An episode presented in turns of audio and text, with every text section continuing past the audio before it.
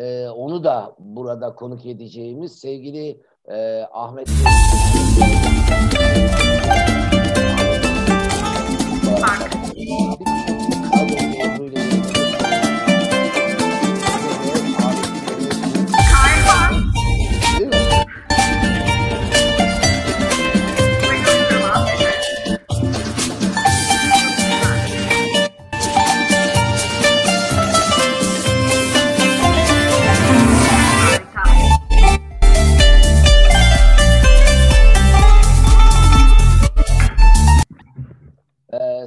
sevgili Ahmet, herkesin e, zihinlerine sağlık diyerek kahvaltıda e, bu müzikleri dinleyerek diye bize bunu bırakmıştı. Kendisine teşekkür ediyoruz. Evet, evet. E, sormak istiyorum gerçekten. Bu müzik bana kendimi iyi hissettiriyor. Bu vergi son dönemde e, bir moda mı, trend mi bir, hakkında çok söylenenler var. E. Bunu anından duymak lazım bence. Ne dersin? Teşekkürler. Yani e, aslında well-being moda ve trend demek istemiyorum. Ben e, 10 yıldır well-being anlatıyorum. Sadece pandemiden sonra çok daha bu konuyla ilgili e, toplumsal bir farkındalık arttı diyebiliriz. Biliyorum sen de bu konuda e, araştırmalar yapıyorsun. E, herkes farkına vardı ki yani daha çok insan, herkes demeyelim ama çok daha fazla insan farkına vardı ki aslında bütünsel sağlık, iyilik ve denge hali önce kendi içimizdeki dengeyi tesis etmekle ve kendi sağlığımızdan birinci şekilde kendimiz sorumluyuz. Yani sağlığımızı, mutluluğumuzu niye başkalarına teslim edelim ki? Her zaman şunu derim, en iyi doktor kendimiziz. Hiç kimse bize kendimizden daha iyi bakamaz. O yüzden e, evet şu anda trendi gibi gözüküyor ama bu bitmeyecek bir trend o zaman. Öyle diyebiliriz. Yani Sonsuza kadar sürecek bir trend aslında çok kilit ve kritik bir şey söylüyorsun Emre. Yani e, insanın e, varoluşu itibariyle insanı araştıran senin, benim gibi pek çok kişinin gördüğü ortak bir durum var. İnsan e, varoluşundan veya yaratılışından itibaren aslında bireysel olarak kendi kendini yönetebilen bir canlı. İyi olma hali meselesinde insanın işlerini başkasına havale mi etti sence? Ee, evet, yani bir kolaycılık, bir daha doğrusu kendinden kaçış, kendinle yüzleşmeme hali. Problemlerimi, problemlerle yüzleşmeyi bekten kaçarak başkası çözsün benim problemimi hali aslında biliyorsun son 40 yıldır, 30-40 e, yıldır tüm batı dünyasında hakim. Bizde de böyle bir şey oldu son 20 yıldır biliyorsun. Ee, ama e, ne öğretti bize bütün bu yaşananlar? Yaklaşık e, 8 aydır, 9 aydır, 10 aydır veya 1 yıldır diyelim.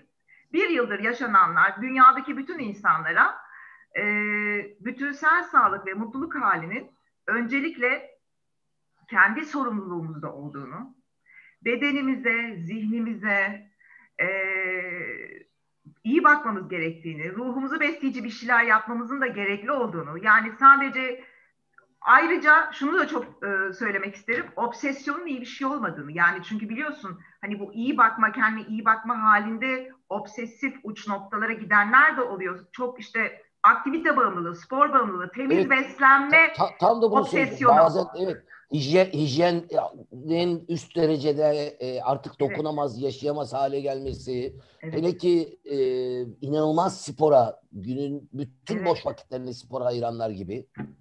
Evet, halbuki şunu çok iyi biliyoruz ki her şeyin fazlası zarar. Hayatta en önemli, en önemli şey denge ve ölçü. Her şeyde denge ve ölçü. Beslenmede de, harekette de, sevgide de. Sevginin de fazlası zarar öyle değil mi Kayhan?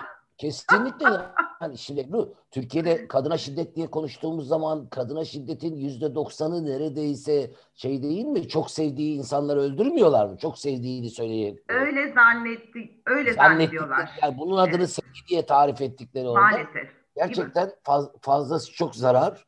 E, fakat e, bunu anlayabilmek için insanın e, well-being e, ya da iyi olma halini keşfedebilmesi için sanırım önce e, duygularını söyleyebilmesi, duygularını dile getirebilmesi, duygularını belki kendisiyle yüzleşebilmesi mi gerekir? Ne dersin? Duygular bizim düşmanımız değil. E, duygular bize rehberlik eder aslında. Onları izleyebilme halini yakaladığımız zaman sonuçta insanız. Hormonlar yönetiyor bizi Kayhan. Özellikle biz kadınların. evet, her dönem. Aynen biz kadınların. Dolayısıyla inişlerimiz, çıkışlarımız, duygu durum değişikliklerimiz elbette olacak. Ama bu inişler, çıkışlar çok keskinse hayatımıza, yaşam amacımıza, özel ilişkilerimize, iş hayatımıza zarar veriyor. İşte burada aslında well-being dediğimizde önce her gün sadece kendimizle baş başa kalacak, ee, özbenliğimizle e, baş başa kalacak, zihnimizi dinlendirecek bir takım o farkındalık egzersizlerini hayatımıza entegre etmek ana kilit gerçekten. Çünkü ancak o zaman o zihnimizin sabote etme eğiliminden ancak o zaman e, o çöp düşüncelerden arınarak hayatımızla ilgili bilinçli seçimler yapma yetisine ne sahip olabiliyoruz. Çünkü her şey bir niyetle başlıyor. Ondan sonra da niyetin doğrultusunda ne kadar bilinçli kararlar alıp onları gerçekleştirdiğinle ilgili öyle değil mi? Aynen. Aynen. As, aslında aslında belki de e, niyeti niyeti söyledin ya niyeti söylediğimiz evet. niyeti söylediğimiz zaman hani şey geliyor benim aklıma yeni yıl e, niyetleri her senenin başında bunu yaparken peki bizim genel olarak insan olarak tutumlarımızda böyle bir alışkanlığımız da var. E, well-being için kendisine bir yol çizmek isteyen birisine nasıl bir şey önerirsin? Ee, şimdi e, bu konuda benim bir sürü kitabım var bahsettiğin o Wellbeing ajandasında bu yüzden Şimdi oraya geleceğim. Sonraki sorum orada. Tamam. Ee, bir kere e, well-being halini yükseltmek. Bir kere şunu söyleyeyim. Well-being sadece e, fiziksel, zihinsel ve ruhsal bedenlerde denge değil. Kariyer hayatında, finansal hayatında, sosyal hayatında, yaşadığın çevrede, mahallede, şehirde. Yani aslında well-being insan yaşamını etkileyen bütün majör konularda bir denge tesis etmektir. Ama yani hayatım, hayatımızı 360 derece bir perspektifle her anında denge aramaktan söz ediyoruz aslında. Doğru mu anlıyorum? E, evet her anında biraz iddialı olabilir ama optimal seviyede e, kendimizi iyi hissetmek için sahip olmamız gereken bir takım şartlar var. İşte bunlar da bizim niyetlerimiz, arzularımız ve isteklerimiz doğrultusunda oluşuyor. Şimdi sürekli bir dengede kalma halini net o da da takıntılı olmak yani olmaması lazım böyle bir şey. O yüzden ben öncelikle şunu öneriyorum. Lütfen ne kadar iş, iş hayatınız ne kadar yoğun olursa olsun, işten sonra eve geldiğiniz çocuklarla ne olursa olsun. Birincisi, birinci majör konu aslında önce hayatta ben varım. Ben yoksam hiçbir şey yok. Ben iyiysem, ben kendimi iyi hissediyorsam sevdiklerime de bir iyilik halini sunabiliyorum. Ama ben kendimi iyi hissetmiyorsam onlarla da yeterince ilgilenemem zaten. O yüzden lütfen önce kendinize dönün ve iyi hissetmeniz için neye ihtiyacınız var? Onu belirleyin. Bunun için ben sabah rutinlerini çok önemsiyorum. Çünkü sabah güne e, başlama rutinleri bizim merkezi sinir sistemini denge, bizi dengeliyor. Kayhan ben her zaman şunu derim. Temiz beslenebilirsin düzenli olarak omurga sağlığına yönelik hareket edebilirsin. Peki her gün merkezi sinir sistemini besleyici ne yapıyorsun? Veya zihnini dinginleştirici bir şey yapıyor musun? Çok güzel Her soru. şey burada başlıyor. Düşüncede başlıyor her şey. Öyle değil mi? Aynen. Aynen. Aynen. Ee, o yüzden burayı e, burayı eğer dengeli ve düzenli tutamıyorsak ha diğerleri için hiçbir şeye gerek kalmıyor zaten. Yok. Yani ne iş hayatında ne özel hayatında ne fiziksel beden sağlığında kalmaz. O yüzden her şey bir frekans meselesi. O yüzden Ahmet Baran'ın güzel melodi, melodileriyle bu programı açtın sen. Harika frekanslar. Ben e, müzik, e, Hazret İnayet Han der ki müzik evren ve insan arasındaki en güçlü köprüdür. Çok ne güzel. kadar güzel değil mi? Harika, yani melodiler, frekanslar e, bize e, bizim titreşim bedenimizde o dengeyi yaratıp kuantum alanı da hemen onu sıçratıyor ve kendimizi iyi hissetmeye başlıyoruz.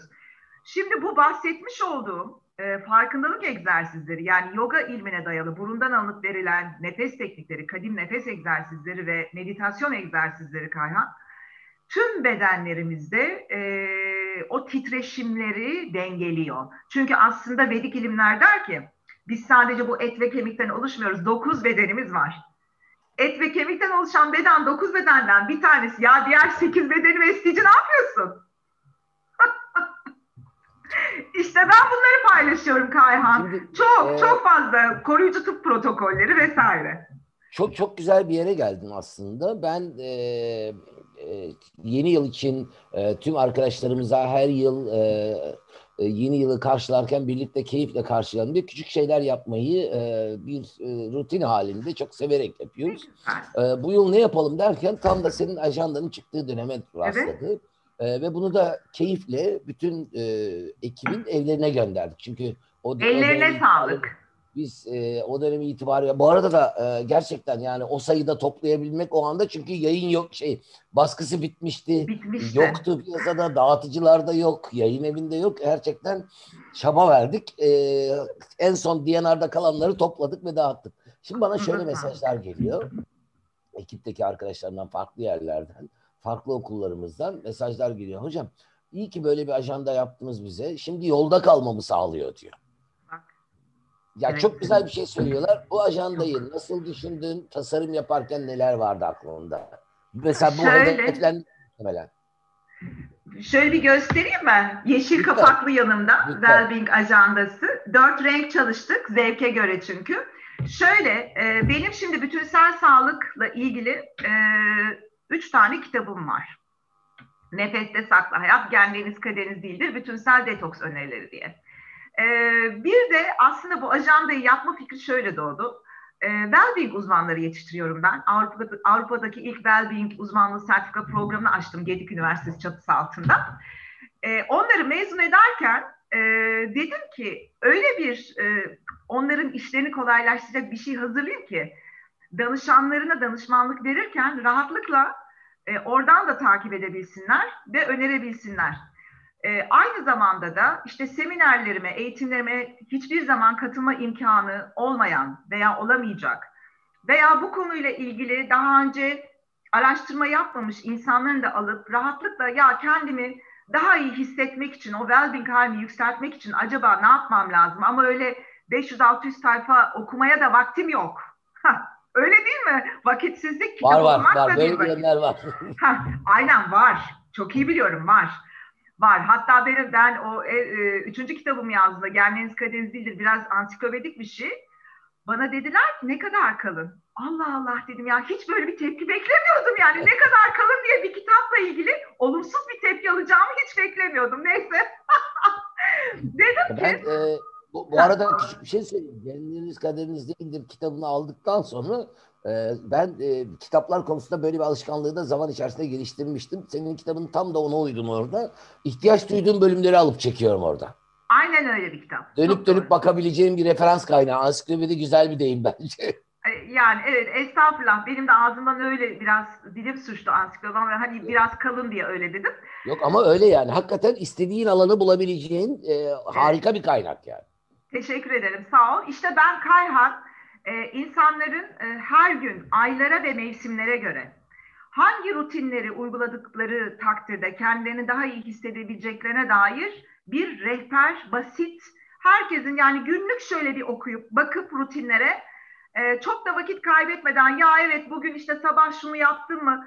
o tikleri atarak motivasyonu yükseltecek ve iyilik halini yükselen o iyilik halini e, gün ve gün, hafta ve hafta, ay ve ay takip edebileceği e, bir ajanda yapmak istiyordum. Güzel de oldu. E, ben memnunum yani. Ben biraz Alman ekolüyüm, perfeksiyonistimdir. Ben memnun kaldım. Çok emeğine sağlık. Şu anda e, sosyal medya üzerinden de e, bizim okullardaki arkadaşların yazdıkları mesajları paylaşınca e, hocam biz de istiyoruz, biz de istiyoruz, erişemiyoruz diyenlere topladıklarını yolluyorum haberin olsun. Sağ olsunlar. Yeni baskıları çıktı. Çıktı. çıktı değil Aslında erişebilirler yani bütün e, diyanarlarda, bütün kitap evlerinde var artık. Her yerden erişebilirler vermek istiyorum. Az önce çok güzel bir şey söyledin aslında. Wellbeing ile ilgili yine e, arada verdiği mesajlardan bir tanesi. E, benim de yıllar önce ilk nefes eğitimi aldığım sırada e, şaşkınlıkla izlediğim şey e, aslında insan doğru nefesi doğduğu andan itibaren diyafram nefesini almaya başlamışken bir süre sonra modern hayatın içerisinde sadece buradan yukarıya nefes alan e, ve belki bütün temel fizyolojik hastalıklarımızın da e, ya da kilo problemlerimizin de e, nedeni olabilecek olan vücudumuza sağlıklı oksijen girişi ve nefes e, dengemizi oturtamamızdan kaynaklanıyordu. Ben ilk o eğitimleri yıllar önce bir 15 yıl kadar önceydi sanıyorum nefesle ilgili ilk eğitim aldığımda. Ebru. Bravo. E, çok çok şaşırmıştım çünkü e, o zaman nefes eğitimi aldığım bir haftalık bir e, eğitim almıştık sevgili Mustafa Hoca. E, şöyle demişti, hocam demişti e, bizim ofis o zaman e, şeyde e, toplam 8 katlı bir binada e, dedi ki kaçıncı katta e, sen yoruluyorsun? Bağladım asansör varsa asansörü kullanıyorum. Ve ikinci kattan sonra nefesim kesiliyor. İster misin dedi bu binayı dedi hiç nefesin kesilmeden inelim çıkalım seninle. Yapma dedim öyle şey olur mu? Nasıl yapayım ben bunu? E, ve gerçekten doğru nefes alarak o binaya hiç e, nefessiz kalmadan son kata kadar çıkıp son kata kadar inebildiğimi gördüğüm anda e, insanın kendi başına bir mucize olduğunu fark ediyorsun. Evet, evet. Yani özellikle nefes, şunu e, belirtmek istiyorum. E, insanın sahip olduğu Kayhan birincil detoks sistemi solunum sistemidir. Evet. Kaldı ki bu pandemide son derece zaten herkes bunu Aynen. daha da bir farkına vardı, farkına varmayanlar. E, dolayısıyla nefesi doğru kullanmak e, hayatınızı değiştirir, onu söyleyeyim. Ama nefesi doğru kullanmak demek 24 saat alıp verdiğin nefese odaklanmak, dikkat etmek demek asla değil. Sakın böyle bir şey yapmayın. Evet. Yapmak istediğimizin tam tersi stres katsayınız çok daha yükselir. Ayrı bir stres kaynağı haline gelir. Aynen. Burada önemli olan her gün 5 dakika, 10 dakika kendinize nefes egzersizleriniz için bir zaman dilimi ayırıp sizin bünye tipinize ve ihtiyaçlarınıza ve semptomlarınıza yönelik nefes tekniklerini uygulamaktır. Bunları düzenli uyguladığınız takdirde faydalarını e, tüm bedenlerinizde ve hayatınızda deneyimlemeye başlarsınız. Çünkü Vedik ilimler der ki e, evrendeki o kozmik zeka, prana, yaşam enerjisi canlıların bedenine nefesin aracılığıyla girer. Dolayısıyla aslında ruh dediğimiz nitelik de nefesin içinde saklı. Bunu zaten biliyoruz. Bütün spiritüel anlamdaki söylemlerin içinde de e, ruhun üflenmesinden söz ederiz zaten değil mi? Aynen, aynen. Şimdi nefesi doğru kullanarak hem fiziksel bedenin, hem zihinsel bedeni, hem ruhsal bedeni istediğimiz gibi manipüle edebiliriz. Bak, e, otonom sinir sistemi içerisinde insanın bilinçli bir şekilde müdahale edebildiği tek bir sistem var, o da solunum fizyolojisi. Yani sen e, bir işte ka, yani böbreklerine böyle bir örnek vermek istemem ama karaciğerine ya çok çalıştın doğru. ya bir yarım saat dinlen diyebiliyor musun böyle bir şey var? çok doğru, çok doğru, çok güzel. Ama nefes öyle bir şey değil. Tut dediğim zaman Kayhan nefesini tut dediğim zaman tutarsın.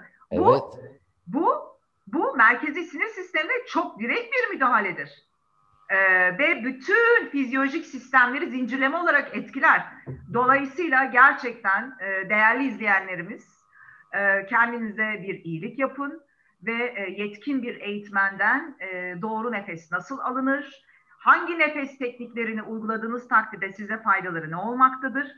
Ee, bunları öğrenin ve ihtiyacınız olan 5 dakikaya günde 5 dakika kendinize nefes teknikleri için ayırdığınız takdirde inanılmaz faydalarını deneyimlersiniz. Ben bir de şunu söylemek istiyorum Kayhan kusura bakma hani Yok, bir soru canım. soracaktın ama çünkü çok önemli. Ee, şöyle çünkü şeyler de duyuyorum bazen özellikle meditasyonla ilgili de ya falan hani ben inanmıyorum meditasyona falan.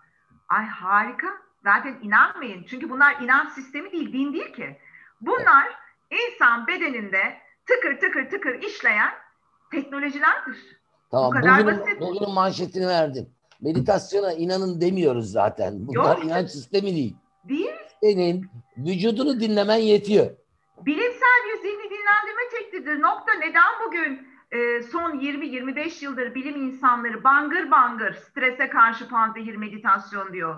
Ya çünkü bugün artık çok iyi biliyoruz ki stres e, Batı tıbbının tanımladığı 45 bin hastalığın %95'inin sorumlusudur bu kadar. Süper. Süper. Ben tam tam da bunu söyleyecektim. Az önce yine e, ya şimdi Ebru öyle şeyleri aslında bence bu yayının daha sonra podcastleri de e, Spotify üzerinden izlenebiliyor, dinlenebiliyor olacak. Ee, oralarda da çokça konuşulacak bence ama şey çok önemli gerçekten bazı kavramları o kadar trende hale getirdik ki e, bu trende hale gelmiş olan kavramlar beraberinde de demin senin altını çizdiğin dedim ki yetkin bir eğitmenden nefes eğitimi alın dedin. Tabii. Bir de ortalıkta böyle herkesin meditasyon yaptırdığı gibi geliyor bana. Yanlış mı düşünüyorum? Yani herkes nefes eğitimi veriyor. işte meditasyon eğitimi yaptırıyor. Bu yetkinlik meselesi de sanırım e, her birimizin dikkatlice e, bakması gereken bir şey değil mi?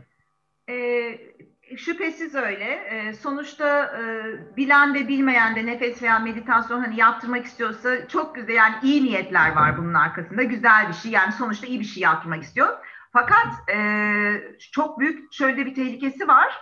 E, konuya çok hakim olmadığı için yanlış bir şey yaptırdığı zaman o zaman karşısındaki ilgiliyi yaşam boyu o konudan uzaklaştırabilir. İşte bu çok kötü bir şey. Bu kötü bir şey. Yani buna hakkımız yok. O yüzden biz de e, bu yetkinliği e, çok daha fazla insan bu konuda yetkin olsun diye e, işte Sen benim ben, eğitiyorsun sanıyorum değil ben mi? eğitmen eğitim. Evet ben eğitici eğitmeniyim. Eğitici eğitmeniyim. E, hem kendi merkezinde Yükselen Çağ Wellbeing Merkezi'nde açmış olduğum bütün sertifika programları üniversite onaylı hem de dediğim gibi Gedik Üniversitesi'nde de bu çünkü Kayhan ben tek başıma nereye kadar yetişebilirim?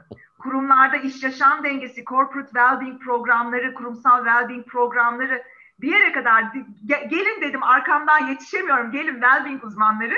Çünkü dünyanın artık en fazla ihtiyacı olan mesleklerinden ve gerçekten eğer trendten bahsedeceksek en yükselecek e, yeni meslek trendlerinin ilk beşinden biri kesinlikle well-being uzmanlığı. Bütün dünyada. Ya, bütün ben dünyada. well-being konusunu bu anlamda bir trend olarak ele almanın doğru olduğunu düşünüyorum. Yani bu çünkü evet. E, evet. toplumsal olarak salgın ve salgın sonrası aslında dünyanın en büyük kırılımlarından bir tanesi bu salgın. Yani e, sosyolojik anlamda hayatı değiştiren kırılımlardan bir tanesi. Sadece ve bunu da e, ben e, son yazılarımda da konuşmalarımda ısrarla belirtiyorum. Sanki burada salgını dijital araçlar üzerinden okuyoruz. Sanki e, dijitalin dünyayı ele geçirdiği üzerinden okuyoruz. Ancak bence burada hata yapıyoruz. Çünkü salgın insan üzerinden yeniden okunması gerektiğini gösterdi bize. Yani insanın kendini keşfetmesi, iyi olma hali, yaşam biçimi, kentte mi yoksa kentin çeperinde doğayla doğayla ilişkisini yeni baştan tarif etmeye çalışacak insan bu salgının üstüne özellikle hangi insan entelektüel potansiyeli yani e, şöyle söyleyebiliriz belki de e, sosyal zekası daha yüksek olan insanın e, beraberinde yeni bir insan tanımına doğru gittiği yeni bir 10 yıl yaşayacağız önümüzde ve burada da bence en büyük trendlerden bir tanesi well-being uzmanları. E, çünkü e, ortalama dediğim gibi hani senin de başta söylediğin hani önce genelleme yaptın dedin ki hani herkesin fark ettiği sonra dedim ki büyük bir kısmın evet o sosyal zekası yüksek olan kesimlerin fark ettiği iyi olma hali beraberinde nefesi, ayurvedayı, meditasyonu, senin vedik ilimler başlığında topladığın pek çok şeyi aslında insanın kendi doğasını içinde yaşadığı doğayla uyumlandırma hali sanki daha öne geçecek gibi. Ne diyorsun salgın sonrası? Ya, kesinlikle öyle diyorum. Bak şimdi Gallup e, bilim insanlarından Tom Red ve Jim Carter 10 yıl önce e, Total Wellbeing diye bir araştırma yayınladılar. Bak Kayhan 10 yıl önce 10 yıl önce. Şimdi bu araştırmaya biz baktığımızda e, 5000 yıl önceki kadim koruyucu tıp protokolleri Ayurveda'da ne derse Adamlar onların hepsini tek tek tek yazmışlar. Fiziksel, zihinsel ve ruhsal bedende well-being halini tesis etmek için şunları, şunları, şunları öneriyoruz diye. Bu çok güzel bir şey.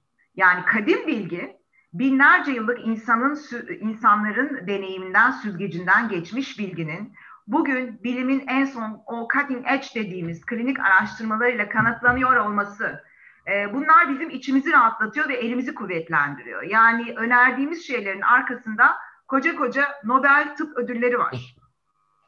Şimdi bu çok güzel bir şey. Sadece Kayhan ya da Ebru olarak önermiyoruz aslında. Ne münasebet. Tabii. Sadece modern tıbbın ya da modern bilimin getirdiklerinin ya da modern bilimin e, bugün e, yenilediği sonuçları aslında kadim bilgi bize binlerce yıldır aktarmış değil mi? Çok doğru, çok doğru. Nitekim tıp da şimdi oraya gidiyor. Alopatik tıpta da biliyorsun büyük ayrımlar olmaya başladı. Yenilenmeler olmaya başladı. Fonksiyonel tıp çıktı. Fonksiyonel tıp diye bir şey çıktı. E bugün Dünya Sağlık Örgütü'ne baktığımızda zaten üç tane tıp sistemi tanıyor. bildiğimiz klasik batı tıbbı 100-150 yıllık maksimum geçmişi olan e, Ayurveda tıbbı, Çin tıbbı. E, hepimizin isteği, bütün insanların isteğine mutlu olmak, mutlu hissetmek değil mi? Ama tabii çok Burayla relatif. ilgili bir altyazı vereceğim. ne, çok relatif. Neye göre mutlu? Evet. Mutluluk ne demek? Herkesin mutluluk tanısı hayatımızın farklı sikluslarında da değişiyor tabii bence de. ben e, ben mutluluğu şey diye tanı, tanımlıyorum sevgili Ebru. Mutluluk e, mutluluk aslında hani insan mutluluğu arayarak mutlu olamaz. Çünkü mutluluğu aramak hali, mutluluk bir andır. mutluluk bir andır ve o anı yaşarsınız ve biter.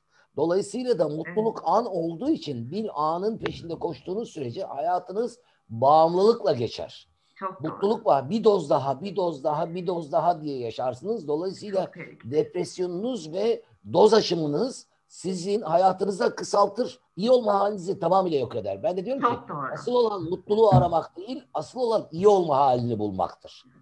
Çok iyi, güzel söyledin Kayhan. Aynen. İyi olma çünkü halini bulmak. Sürdürülebilir olan iyi olma halidir. Mutluluk sürdürülebilir bir an değildir. Mutluluk anlar halinde iyi olma halini bulmuş bireyler için üstelik daha kolay bulunan bir şeydir. Eğer iyi olma halinizi sürdürülebilir bir şekilde geliştirmezseniz çok sıklıkla mutlu olma halini yakalama şansınız da yok. Çünkü her depresyonunuz sizi daha da uzaklaştıracak oradan. Daha da öteye götürecek orada. Her evet. Her türlü hisleriniz sizi buradan uzaklaştıracak. Kaprisiniz, başarı sınırlarınız, güncel tanımladığınız başarı hırslarınızın hepsi. E, dolayısıyla bence senin yaptığın iş çok değerli. Mutluluktan öte insanların iyi olma halini bulmaları bence. Çok teşekkür ediyorum. Bu çok güzel. Beni de beni de aklıma şimdi bir şey getirdin. Ee, ben de hemen şöyle bir ekleme yapmak istiyorum senin e, harika toparlamana. İyi olma halini kendi kendimize tesis edebiliyoruz. Buna muktediriz. E, çünkü Vedik ilimler de der yani insanoğlu beş duyusuyla kendi kendini şifalandırabilecek ve dengeleyebilecek şekilde dizayn edilmiştir. Ama bak şimdi bir şey söyleyeceğim. Ben bunu e, okuduğumda çok şaşırmıştım. Çünkü daha önce hiç düşünmemiştim e, bu Gallup'un yaptığı araştırma 150 ülkede çok uzun seneler sürüyor ve e, dünya popülasyonu %98'ini temsil eden bir araştırma. Ve herkese yüzlerce soru soruyorlar ama sorulardan bir tanesi şu. Çok hoşuma giden bir soru. Diyorlar ki bize hayatınızın en mutlu anını tarif eder misiniz? Bak, bak. Ve Kayhan yüzde yüz kaç binlerce kişi bilmiyorum şu anda. Yüzde yüzün tarif ettiği an başka bir insanın varlığı esnasında yaşanan an. Yani hiç kimse hayatının en mutlu anını tek başınayken tarif etmemiş. Bak. Demek ki iyi olma halimiz, bir dakika, iyi olma halimizi kendi kendimize test edebiliyoruz ama evet tek başımıza hayatımızın en mutlu anını organize edemiyoruz. Çünkü insan paylaştıkça mutlu oluyor. Öyle değil mi? Hadi Aynen şimdi öyle. topu sana atıyorum. Aynen öyle. Şimdi biz yıllar önce e, e, hep şey dedik. E, özel okul iklimine çok karşı çıktık. Çünkü özel okul iklimi de e, güncelin çok yakalandığı bir yerdi ve sonra dedik ki bir sosyal girişim laboratuvar bir model okul e, oluşturalım orada ve e, bunun için bir çerçeve program geliştirelim. Bizim çerçeve programımızın kalbinde de e, her bir çocuğun iyi olma halini keşfedebilmesine odaklanmak vardır.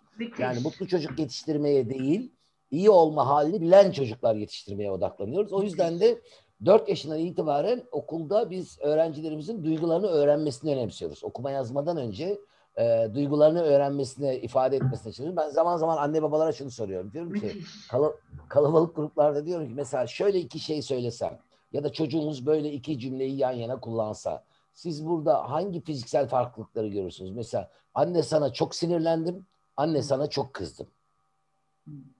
Aynı şeyi düşündüğü, aynı şeyi söylediğini hissedersiniz genellikle. Ama bu iki duygu birbirinden farklı duygular ve vücudunuzdaki yansımaları da farklı yansımalar burada. Dolayısıyla aslında çocukların da e, iyi olma halini keşfetmeleri bence bir yaşantısal öğreti ve bu kadim bir öğreti. Çünkü e, kadim toplumlara baktığımız zaman çocuk büyütme meselesinin bir ekosistem olduğunu görürsünüz. Anadolu'nun çok güzel bir sözü vardır. Anadolu'da benim büyüdüğüm yerlerde çocukluğumda çok söylenirdi. Bir çocuğu annesi babası dünyaya getirir ama onu bir köy büyütür derler. Of harika bir laf. Yani şimdi bizim senin bütün bilgeliklerine ve bilgiyi, kadim bilgileri gördüğümüz toplumlarda aslında bu öğretilerle işte paylaşmanın mutluluğu orada zaten çıkıyordu karşımıza. Çok doğru. Böyle bir paylaşım olduğu zaman yani şey gibi e, şey ilişkileri vardır. Bu e, bağlılık, bağımlılık ilişkileri vardır. Mesela evet. yaşantısal olarak sembiyotik ilişkiler diye tarif ettiğimiz bizim transaksiyonel analizde de sembiyoz diye tarif ettiğimiz birinin varlığı sayesinde mutlu olmaya bağımlılıktan dönüşürken bu bir paylaşım değil ama iyi olma halini ürettiği e, örneğin Maria Montessori diyor ki çocuklarınızın kendi başına yapabilecekleri işleri onlar adına yapmaya başladığınız anda onları yeteneksiz hale getiriyorsunuz, yetkinliksiz hale getiriyorsunuz diyor. Bak böyle bir paylaşımı bugün toplumda ebeveynler ne yapıyor? Çocuğunun iyi olma hali yerine onun yerine iyi olmaya çalışıyor. Çok doğru. Ya çocuğun doğru. iyi olacağı mesleği seçiyor. Çocuğunun iyi olacağı kızı ya da oğlanı seçiyor, evleneceği. Çocuğunun ya da eşler birbirine yapıyor. Eşinin iyi olacağı evi seçiyor. Eşinin iyi olacağı kıyafeti seçiyor. Eşinin iyi olacağı yemeği seçiyor. Böyle değil mi bu? Ya Çok doğru. Sen tabii okullar yani yüzlerce binlerce öğrenciyle bu konuda e, çok uzun yıllar deneyimin evet. var. Çok güzel anlattın. Öncelikle bir kere insanlar duygularını bilmiyor. Ne hissettiğini bilmiyor. Onu nasıl ifade edeceğini bilmiyor. O yüzden bana dün de bahsettiğin o duyguları emojiler üzerinden evet. e, tanımlayarak ifade etme hali ne kadar büyük bir farkındalık yükseltici egzersiz. Mesela orada şunu şunu yapıyoruz. Küçük yaştaki çocuktaki ebeveynler hani bizi izleyenlere de. Mesela çocuğunuzun duygu ifadelerini kullandığı anda şu, sadece şunu söylüyoruz. Ee, mesela çocuğunuz diyor ki anne şu anda çok sinirlendim. Aa öyle mi? Gel biraz bu konuyu konuşalım mı? Mesela çok sinirlendiğini nasıl anladın? Vücudunda ne değişti? Kulaklarım kızardı diyor. Gözlerim bir yanmaya başladı. Bakın Aferin. tarif ediyor. Harika, harika. Yani çünkü çocuk bunu ancak sorarsak ya biz yetişkinler genelde şöyle davranıyoruz. Onun yerine iyi olma halini keşfettiğimiz için ona tanımlar vermeye çalışıyoruz. Sinirli olmak böyle bir şeydir. Hani öğreti peşinde koşuyoruz orada aslında. Yine e, Halil Cibran'ın e, aslında e, kadim bilgeler bize e, hayatın içerisinde bunları hep tarif etmiş. Ben çok severim. Halil Cibran'ın çok güzel bir sözü vardır. E, onlar e, anne babaları siz olsanız da doğanın çocuklarıdır der. Müthiş. Müthiş. Gerçekten yani öyle. Ebeveynler olarak da öylesine sahipleniyoruz ki benim kızım, benim çocuğum, benim kocam, benim karım, benim oğlum. Bu ego durumu aslında iyi olma halinin üstündeki en ciddi problem olduğunu düşünüyorum ben. Çünkü o kadar büyük egolarla yaşıyoruz ki. Yani bilmiyorum sen ne düşünüyorsun bu konuda? Ee, ya ben sana katılıyorum. Çok güzel anlattın. Ee, ego yani ego bizi var eden şey tabii ama e, bence bu kadim bilgilerin bu iyilik halini yükselten tekniklerin en güzel özelliklerinden bir tanesi egonun farkında olarak hayatı sürdürebilmen. Yani ego şuradan çıktığında evet. farkındasın, onu gözlemliyorsun veya karşındaki insanın egosu.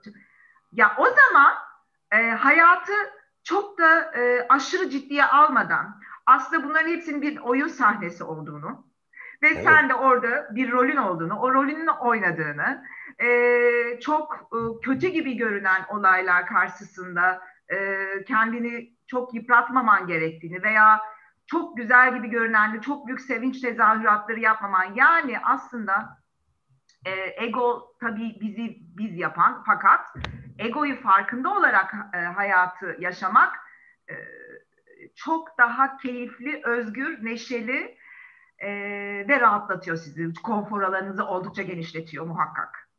Yüzde yüz katılıyorum. Çok güzel söyledin. Ego olmadan tabii ki yaşayamayız. Yani ego ego e, bizim o şey omurgalarımızdan. yani. Egomu severim. Tabii ki. Tabii ki. E, onsuz da kendimi tarif edemem ayrıca yani. Tabii ki. Şu pazar programını yapmayı isteme nedenlerimden bir tanesi de yine benim ego durumlarımdan bir tanesi. Yani burada ben dostlarımla, evet iyi ki var burada. Ee, sanırım transaksiyonel analizde de baktığımız gibi hani ego durumlarını odaklandırdığımız gibi e, ebeveyn egomuz, yetişkin egomuz ve çocuk egomuzun yine senin söylediğin gibi dengeli bir hayat yaşamamıza fırsat verdiği sürece aslında egolarımız bizi iyi bir e, hayat yaşatmamızı sağlatıyor. Evet. Eğer sürekli ebeveyn egomuzda yaşıyorsak o zaman elimizde bir şeyle işaret parmağımız ve elimizdeki bir sopayla sürekli öğreten adam, öğreten kadın rolüyle dolanıyoruz. E sürekli çocuk olma durumumuzda yaşıyorsak hayatta hiçbir şeye değer ve anlam vermediğimiz, çok kısa sürede tükettiğimiz bir şey oluyor. E sürekli yetişkin olursak da hayatımızın içinde çocuk olma ve anne baba olma durumlarımız da dolayısıyla galiba ego durumunu da dengeli yaşamak lazım orada. Evet muhakkak dengeli yaşamak lazım bence de. İşte o dengeyi nasıl test edeceğiz? Her şeyi prefrontal korteksle muhakeme yeteneğiyle yapabiliyor muyuz? Limbik sistem biliyorsun yani sen bu işi subconscious bilinç dışı davranışlarımızın yüzde 95'ini kontrol ettiğine göre. Orada ee, ben e, şey çok önemsiyorum. Sen ne dersin? Ben e, genelde e, hem öğrencilerimize hem öğretmenlerimize hem de anne babalara özellikle şunu önemsiyorum e, gün içerisinde en az bir ya da iki defa sizi zorlayacak bir konu üzerinde ya da hayatta hiç kabul edemeyeceğiniz, sizin onay vermenizin çok zor olduğu bir konuda e, düşünme egzersizi yapın diyor. Ay, müthiş bir öneri. Bunu bana da öğretir misin? Mesela nasıl ya gerçekten Harika bir öneri. yani çünkü e, yani insan beyninin e, yani şeyin üst bilinç dediğimiz, metacognition dediğimiz bizim aslında e, neokorteks yoluyla düşünmeye başladığımız e, an e, bizim e, fiziksel çaba göstermemiz gereken an. Çünkü Tabii. ortalama insan günün yüzde seksenini aldığı karar, kararlarını sürüngen beyniyle alıyor. Tabii. Büyük bir kısmında limbik sistemle, orta beyinle, duygu yoluyla yönetiyor. Motor beceriler ve ikisi günümüzü götürüyor ortalama bir insana. Ama bizim işte aslında senin de söylediğin iyi olma halini bulması gereken insanın metacognition'a, üst bilişe doğru çaba vermesi lazım. Bunun için de günde birkaç kez egzersiz. Mesela ben bazen şunu yapıyorum. Ee, var, merak ettim. E, çok enteresan bir şekilde ben sana şeyi söyleyeyim. Üniversite yıllarımda e, üniversitede e, Kanadalı bir hocam vardı. E, Michael. E, kulakları çınlasın Torontolu. E, şimdi emekli oldu orada. E, ve Michael'dan çok değerli bir şey öğrendim. E, Michael şöyle bir iyi olma halini bana yıllar önce bak yani 35 yıl önce bir Kanadalı hocam bir şekilde tarif etmiş. Şöyle demişti. Demişti ki bir şeyi insan otomatik reflekslerle, ön yargılarla reddeder. Onu anlamanın yolu, kendinle barışık olabilmenin yolu onu dinlemeyi öğrenmekten geçer demişti. Onun için de biz o yıllarda çok konuştuğumuz işte türban meselesi, üniversitede yani politik meseleler var orada ve e, o yıllarda da işte 80'lerden söz ediyorum. O yıllarda da biz e, Türk televizyonda yeni yeni siyaset meydanı gibi şeyin e, Ali Kırca'nın programı çıkıyor orada. E, küçük tartışma programları var filan. E, üniversitede 12 Eylül'ün sonrası apolitik dönemin üstünde yeni yeni hareket bir şeyler konuşulabilir, forumlar yapılabilir oluyor. Ve çok kızdığımız insanlar var, dergiler var. Bir, bir ideolojimiz var bir yere doğru bakıyoruz. Bana şöyle demişti Michael. Sen hiç onları dinledin mi? Oturup da zaman ayırdın mı demişti. Yok hayır. Niye dinleyeyim ki? Ben onları biliyorum zaten. Peki hiç yani dinlemen zor olabilir anlıyorum şimdi seni. Hiç okudun mu dedi. Hayır. Bunun üzerine şunu yapmaya başladım ben. Ee, her cuma günü hiç okumadığım yani okumaya nefret bile ettiğim bazı dergiler, süreli yayınlar, köşe yazarlarının olduğu yazarlar alıp vapura biniyordum. Vapurda dışarıya doğru oturup onu hiç böyle kızdığım insanların şeylerini, köşe yazılarını veya bütün makaleyi, uzun makaleler okuma. Vapurda çok insan görüyorum. Böyle şey olur mu? Yırtıp patlatıp attığım şeyler halini. Ya. Ama zaman, içi, zaman içerisinde şunu fark ettim ki bir dakika. Nefes egzersizi gibi. O zaman şurası çalışmaya başlıyor. Ya bir dakika iyi öyle diyorsun. Mesela bu konuyla ilgili e, ben oğlumdan çok şey öğrendim büyümesi sırasında. Bu sene işte üniversiteyi bitirdi o da. Maşallah. E, ve o dönemi itibariyle mesela benim bu e, şeyi beyin egzersizlerimi en çok oğlumdan geliyor son yıllarda 4-5 yıldır. Diyor ki e, baba diyor sen bunu beğenmedin, istemedin, kabul etmedin ama diyor bunun diyor bir de böyle bir tarafı var aslında diyor. Ya bu senin düşünme hakkın. En çok neyi söylüyorum Ebru biliyor musun? Bak çok kritik bir şey söyleyeceğim. Hiç kabul etmediğim. Mesela diyorum ki e, hayatta hiç kabullenemeyeceğiniz şey. Kişisel olarak söylüyorum bak hiç kimseyi. Örneğin e, oğlunuz bir gün size geldi ya da kızınız size bir gün geldi ve dedi ki sizin bu konuyla ilgili kırmızı çizgileriniz var ve dedi ki e, ben e, farklı bir cinste hissediyorum kendimi e, ve diğer cinsle ilgili yaşamak istiyorum. Şöyle bir duvara duruyorsunuz orada. Siz bugüne kadar hayatınızı burada durdunuz. Böyle bir durumda nasıl tek olmadan bunu düşünün. Ya mesela şu sorunun cevabını verin. O sizin oğlunuz ya da kızınız olmaktan çıkar mı? Bunu sen ebeveynlere mi soruyorsun? Evet. Ve Geldi en ve çok böyle. kızdığım ne dedin orada? Burada diyorlar ki hemen reddederim. Olamaz. Oo, Benim böyle bir çocuğum olamaz. Yani çok az insan bunu Çok iddialı. konuşurum diyenler var ve burada da ilginç bir şey söyleyeyim. Gerçekten e, iyi okuyan, e, kendini iyi tanıdığını düşündüğümüz pek çok kişinin de bu tip kırmızı çizgilerin içerisinde çok fazla bunun var. E, bunun için de bazen hiç kabullenmediğiniz şeylerle beyin jimnastiği yapın derim.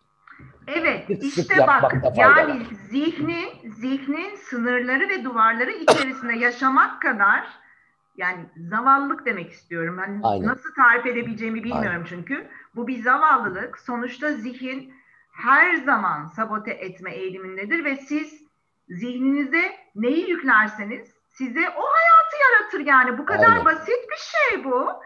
Ee, o yüzden Kayhan biz meditasyon yapıyoruz. Çünkü meditasyon yaptığımız zaman Evet. zamanla son derece şunu farkına varıyoruz. Zihnin ötesinde çok daha e, onunla mukayese edilemeyecek kadar güçlü bir yüksek benlik var ve esas patron odur. Ve zihin onun hizmetkarıdır aslında. Zihin onun hizmetkarıdır.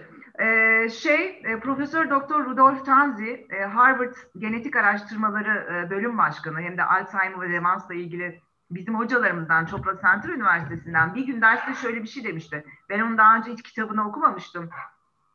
Ee, o zaman e, çok böyle ben duvara toslamıştım. Hiç düşünmemiştim. Şöyle demişti Kayhan.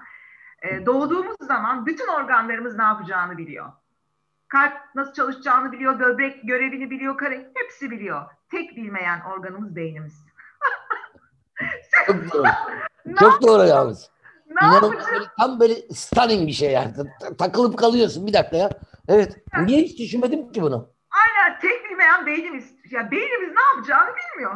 Siz ona neyi verirseniz o onu yapıyor. O yüzden güzel kodlayın lütfen beyninizi diye bize on- ondan sonra beyni anlatmaya başlamıştı. Ben de öyle bir kan nasıl yani nasıl bilmiyor? Evet bilmiyor çünkü sen ona hangi software yüklersen. O yüzden bu bahsettiğin egzersizler o beynimizin sınırlarını genişletmek, beyin nöroplastisitesi dediğimiz şeyi yapmak yani farkındalığı yükseltmek için müthiş.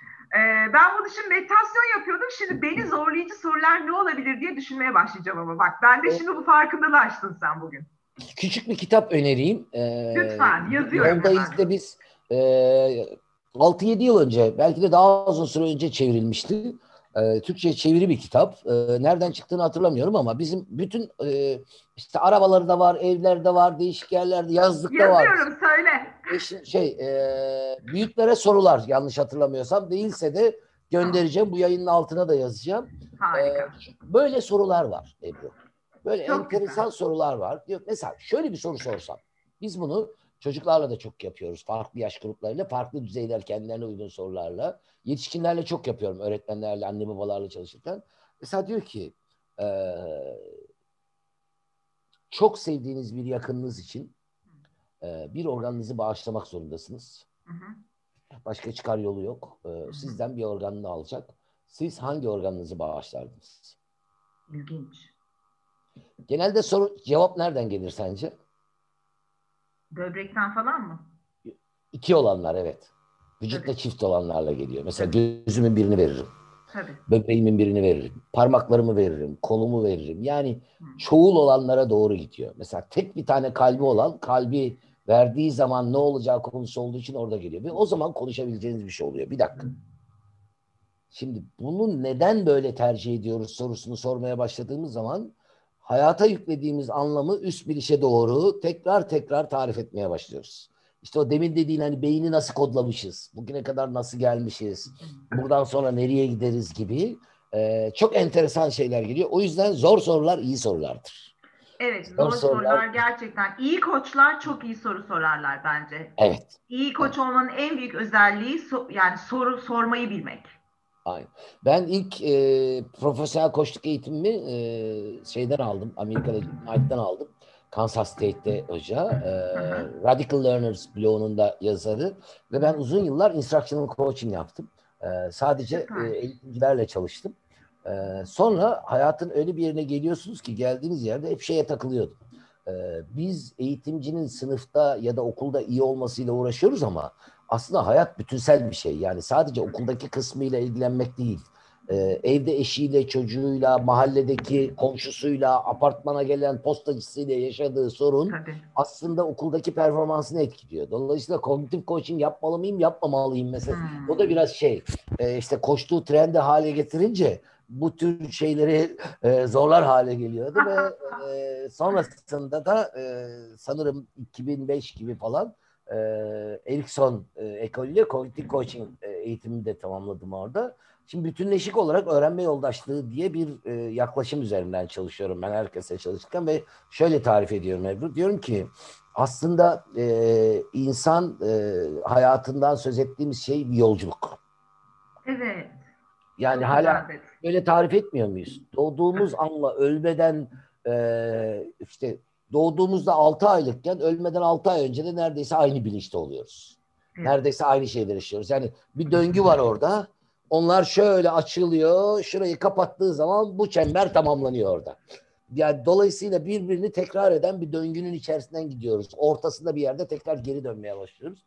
Dolayısıyla diyorum ki bu bir yaşam, bir yolculuk. Peki yolculuk nasıl bir yolculuk? İnsan varoluşundan ya da yaratılıştan itibaren kim neye inanırsa e, doğduğu andan itibaren insan doğayla mücadele ediyor. Doğayı anlama ve yenme mücadelesi veriyor. Aslında bir anlam arayışı içinde insan. Yani ilk insana kadar baktığımız zaman. Dolayısıyla bu anlamı ararken insan doğası gereği öğrenmeye programlanmış bir makine aslında. Evet. Öğreniriz yani. Okullar olsa da olur, olmasa da olur. Bize öğreten de olsa olur, olmasa da olur. Çünkü Çok doğru. Doğa, doğa öğretir. Hayat insanın, öğretir. Gerçek müfredat doğadır zaten. Yani bizim aradığımız öyle. aradığımız öğretinin özü doğadır. Çünkü varoluşumuz oradan geliyor zaten. Dolayısıyla biz yine insanın icat ettiği okullarla, insanın icat ettiği bir takım e, yaklaşımlarla değil de doğadan gelen yani gerçek müfredatın doğa, doğanın içinde öğrenir. Dolayısıyla diyorum ki bu bir öğrenme yolculuğu. Evet, Yaşam hayat böyle bir şey gerçekten. Çok yolculuğu. güzel. Çok güzel anlattın. Az önce söylediğin şeye geliyorum, paylaşıma geliyorum. Peki diyorum, hayatta insanın en önemli özelliklerinden bir tanesi. Bir yolculuğa her insan Hı. yalnız çıkmayı neredeyse hiçbir insan istemez. Her insan bir yolculuğa çıkacağı zaman yanına birini arar. Bir tatile gideceksin, bir yere gideceksin. Eğer inanılmaz depresif bir halde değilsen ki o normal insan modu değildir zaten. Bir yol arkadaşı ararsın. Türkçedeki bin yıllık deyimiyle bir yoldaş ararsın. Evet. Bir yol arkadaşı. Peki yol arkadaşı yani yoldaş nasıl birisi olmalıdır? Sana dikte eden, sana ne yapacağını söyleyen, buraya gel, buraya git diyen otoriter Tabii ki de hayır. Ya da senin ona istediğini yaptırabildiğin itaatkar birisi mi olmalıdır? Tam aksine biz ne isteriz? Bizimle denk. Eğleneceğim, güleceğim, keyif alacağım, zekice bulacağım, ondan öğreneceğim. Onunla birlikte olmak bana zengin, beni zenginleştirecek bir yol arkadaşı ararım gideceğim yerde. Öyle bir yoldaş ararım. O yüzden de diyorum ki hayat bir öğrenme yolculuğudur. Siz de bu yolda bir öğrenme yoldaşısınız etrafınızdaki herkese öğrenme yoldaşı olmak için de önce kendi iyi olma halinizi bulun. Ay Bunu harika, harika bağladın. Gerçekten öyle. Ee, mutlu olma ve iyi olma halimiz başkalarına bağımlı olmamalı. Önce kendi içimizde dengeyi tesis etmek. Önce kendimizi sevmeliyiz. Evet. Kendini sevmeyen onu bulamaz. Lütfen önce bir kendimizi Aynen. sevelim. Kendimizde o denge halini yaratalım. Ondan sonra kendi içimizdeki o elması parlatalım. Işık olalım Etrafı da siz ışık yaydıkça evet. aynı frekansta enerjileri kendinize çekersiniz. E, şüphesiz senin dediğin e, az önceki örneklerini çok çok hoşuma gitti. Çünkü mesela Walt Whitman o ünlü transandantalist de aynı şeyi söylüyor. Kendimizi aramız, e, arama yolculuğumuz şüphesiz başladığımız yerde sona erer. dön dolaş, Aynen. dön dolaş gel orada. Çok güzel. Bu yolda da bu yolda da hayatı hep e, öğrenme yoldaşlarıyla dolu yaşamaya çalışıyorum. Şimdi senden bir söz alacağım. Sonuna doğru geliyorum. Bir saate yaklaştık. Senin sözlerine gelmeden önce senden bir söz alacağım. E, bu benim gerçekten yapmayı okulda ekibimizle birlikte çok istediğimiz bir şeydi. Arkadaşlarımızla birlikte. Üstüne çok durduğumuz çocuklarımızın küçük küçük denemeler yaptığımız bir şey. Senin ajandanla birlikte bu bizde şekillendi. Biz şimdi e, Wellbeing ajandasının çocuk versiyonunu yapalım seninle. Çocuk versiyonu. Evet. Memnuniyetle yapalım. Beraber yapalım. çalışalım. Yani bu benim için bir onurdur. Ee, senin gibi değerli, bu konuda bu kadar know-how'ı yüksek bir arkadaşımla bana çünkü sen know-how vereceksin. Ben çocuklarla ilgili bir şey bilmiyorum. sen sen alan alanda çok bu kadar emeğin var ve tecrüben var. Benim de bu tarafta var orada. Ay ne ben mutlu bana onere oldum. Onere evet. oldum. Ne kadar şanslı. Ben de bak diyecektim ki Kayhan seninle birlikte çalışan öğretmenler, senin e, okullarında okuyan öğrenciler, o ebeveynler ne kadar şanslı diyecektim. Bak şimdi bana çok büyük sürpriz yaptın. Süper. Çok sevindim bunu duyduğuma. Gelecek eğitim öğretim yılına yetiştireceğimiz çünkü Türkiye'de de dünyada da ne yazık ki bu şey oluyor. Öğrenci ajandası dediğimiz ajandalar genellikle çocukların e, yetkin olmadığı üzerine kurgulu. Ve bu bizim okulumuzda yani benim temel kabullerim, hayatımı değiştiren en temel kabul aslında Milton Erickson'la tanıştığım ilk okumalarımda e, gördüğüm bir kabuldü. Jim Knight'la birlikte ilk karşılaştığım dönemdi. E, Milton Erickson'un temel kabulü şudur. Bizim de ekosistemimizdeki kabulü. Her insan tam ve bütündür. Hiç kimsenin tamir edilmeye ihtiyacı yoktur. Ben bunu hiç duymamıştım. Çok hoşuma gitti. Çok güzelmiş bu. Bu, bu bizim ekosistemimizin temel kabulüdür. Yani yaklaşık olarak 25 yıldır biz böyle yaşıyoruz. Her insan tam ve bütündür. Hiç kimsenin tamir edilmeye ihtiyacı yoktur. Ne yazık ki biz genellikle yetişkinler, ebeveynler, öğretmenler çocukları bozuk olarak kabul edip sürekli düzeltmeye çalışıyoruz. Onu öyle yapma, bunu böyle yapma. Dolayısıyla bunu da öğretmek adına yaptığımızı iddia ediyoruz. Dolayısıyla çocuğun kendi doğasına uygun bir yolculuk yaşaması yerine suni, onun için doğru olmayan, dışarıdan müdahalelerle dizayn edilmiş bir şey yaşatıyoruz ona. Ve bu üzgünüm ki sadece e, kentli çocuk için böyle değil. Kırsal alandaki çocuk için de aynı durumda. O yüzden de çocuklara bugün hazırlanan ajandaların neredeyse bakarsan öğrenci ajandalarına hep şunu söyler haftalık ders programı. Şu saatte yat, bu saatte kalk, şu saatte şu kadar tane soru çöz. Araya formüller eklerler. Eğlenceli yaparlar onu bir de karikatürler haliyle. İşte bilmem neyi çalış. Aslında bu sınav jandarmalığının başka bir yoludur öğretim. Çok doğru. Yani senden sen seni ben diyor ben heykeltıraşım benim. Seni bir şeye taşla oyacağım senden. Senden bunu çıkartacağım diye bakıyor.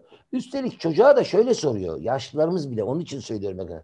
Çocukla karşılaştığı zaman bir okula giden öğrenciye diyor ki Anadolu'da der ki kuzum sen ne olacaksın büyüyünce? Bir şey olmak zorunda. Yani çok basit bir karşılığı olan oysa e, bundan 300 yıl önce ortalama insanın bu soruyu sormadığını biliyoruz. Sanayi devrimi, kentleşme ve kapitalizm bugün yarattığı insan topluluğu androidleşmiş zaten makinalaşmış. insanı doğasından uzaklaştırmış. Doğayla olan ilişkisini koparmış. İşte bu patlama bu salgın sonrası yeni bir şey olacak. Onun için bence bizim e, ödevimiz var. Çocuklar için bir iyi olma ajandası yapalım. Yapalım. Zaten ya ben sana çok teşekkür ediyorum. Ee, ben bu bilgileri acaba daha küçük yaşlara nasıl indirebiliriz diye son birkaç aydır düşünüyordum. Ee, çünkü Emojiler müthiş. Ben de istiyorum o emojilerden. Lütfen bana da gönder. Sizin emojileri çok merak. Gerçekten ben de duygularımla ilgili farkındalık çalışması yapmak istiyorum sizin okulların emojileriyle. Evet. Ee, çok mutlu olurum. Harika bir şey olur. Çünkü e, gerçekten bu bilgileri ne kadar erken yaşta hayatımıza entegre edersek farkındalık o derece yükselir ve hayat bizi e, e, bir rüzgarın kuru bir yaprağı oradan oraya savurduğu gibi çocuklarımızı savurmaz. O iyi olma haliyle e, depresyona e, maalesef toplumun büyük bir çoğunluğunun kullandığı o sakinleştirici ilaçlarla yaşama alışkanlıklarına kapılmazlar. En önemlisi bu. Gerçekten en önemlisi bu bence de. Ee, Kayhan Şimdi, çok güzel, keyifli bir sohbet oldu. Çok teşekkür ediyorum. Tam bir harika, pazar sohbeti oldu. Ebru harikaydı. Bak birkaç tane izleyici notundan e, bir şey söyleyeceğim. E, Mindful Evren isimli izleyicimiz diyor ki e, hocam harika aynı şeyi düşünmüşüz. E, ben de kızım için hazırladığım örneği paylaşayım sizinle. O da kızı için hazırladığı bir örnek gelecek. İşte bu paylaşım bak bu paylaşım harika bir paylaşım aslında. Müthiş. Burada yayında söylediğimiz paylaşım bu. İyi olma evet. halimizi paylaşmak birlikte. Hanımefendiyi tebrik ediyorum. Ee, çok güzel yorumlar var. Ee, çok keyifli bir sohbet oldu. Ne kadar güzel bir çocuk ajandası hazırlamak gülümseyerek. Demek ki bu bekleniyormuş sevgili Ebru. O zaman bu tarafa doğru çalışmak bize bir ödev.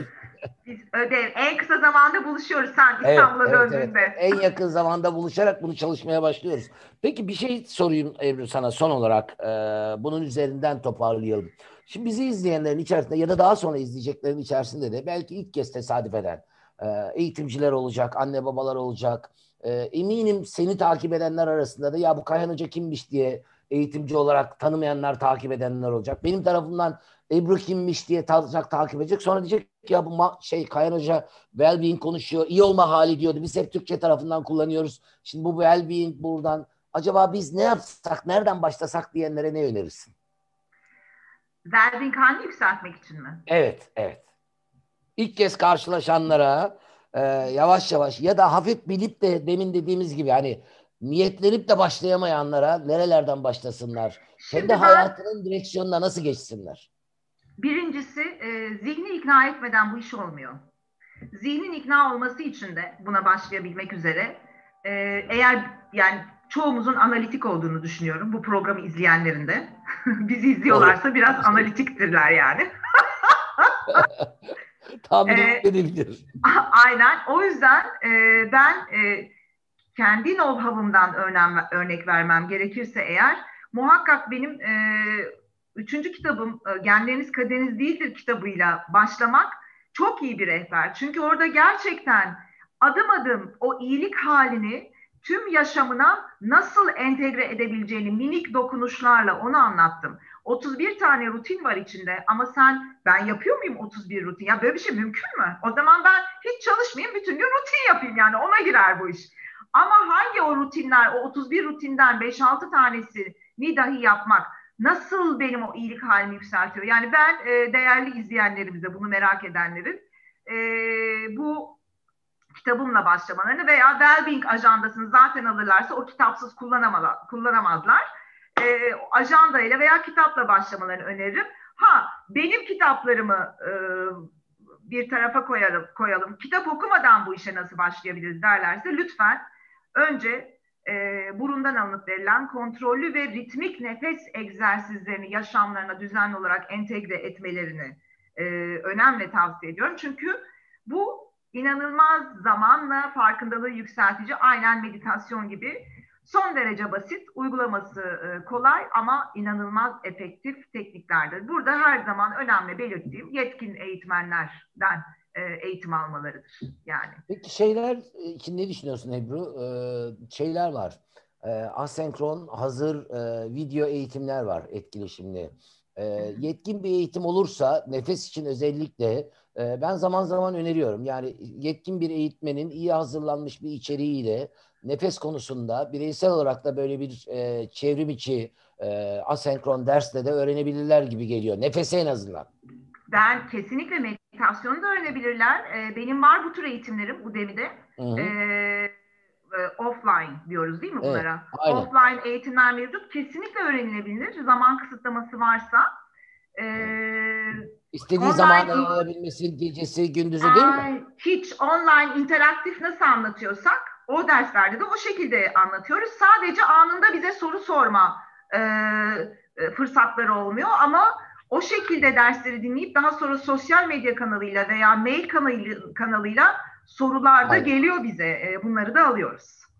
Aynen yani çünkü sonuçta zaten ben de aynı şekilde e, asenkron içeriklerde karşılaştığımızda hep aynı şeyi söylüyorum. E, bu doğal aslında bir tepki. E, Ebru'nun e, offline bir dersini aldığınız anda zaten otomatik yaptığımız şeylerden bir tanesi onun sosyal medyasını takip etmek. Tabii. Oradaki süreçler içerisinde bir mesaj yoluyla ya da doğrudan mesaj yolu ki ben biliyorum Ebru her tür mesajı hemen yanıtlıyor. Ee, bana da yanıtlıyor, herkese de yanıtlıyor. Ee, bunu gördüm ben, biliyorum çünkü. Benim adıma da yani ben mesela e-maillerime çok zor dönebiliyorum sevgili Ebru. Yani hakikaten e-mail meselesi çok şeye döndü. Hani her yerden bombardıman oldu ama e, özellikle sosyal mecralardaki mesajlar e, kesinlikle e, 24 saat içerisinde böyle bir sınırla dönmeye çalışıyorum herkese. E, o yüzden Ebru'nun da bunu yaptığını biliyorum. Dolayısıyla e, hem genleriniz genleriniz kaderiniz değildir. Bence e, çok değerli bir referans, e, bir başucu. E, well konusunda yeni başlayacak olanların. E, yine sevgili Ebru'nun dediği gibi nefes yoluyla başlamak, nefesi tanımak çok önemli. E, ama bir şeyi ben de eklemek istiyorum buraya sevgili Ebru. Lütfen. Ben de şimdi sana dönecektim Kayhan. Sen ne diyorsun? Sen ne diyorsun bu konuda? Mutluluk aramaktan değil, kendi iyi olma halinize odaklanmaktan söz edin. E, çünkü e, bağlılık ve bağımlılık ilişkisine yerine özelliktir. İnsanı hayatta tutan, bakın e, bu sürüngen beynimiz insanın e, varoluşunu, survive etmesini sağlamak için yapılandırılmış insan vücudunda ve bizi hayatta tutan şey sürüngen beynimiz. Ve sürüngen beynimizin en önemli ihtiyaçlarından bir tanesi motor becerilerin geliştirilmeye çalışılma nedeni özellik yani otonomi arıyor. İnsan doğduğu andan itibaren bebekleri düşünün sürekli kendi başına yapmak isterler. Her şeyi kendileri yapmak isterler. Sizin onun adına bir şey yapmanızda elinizi iter. Kendisi yapmak ister. Döker, saçar kendine. Çünkü insanı hayatta tutan şey otonomidir. Yapabilme gücüdür.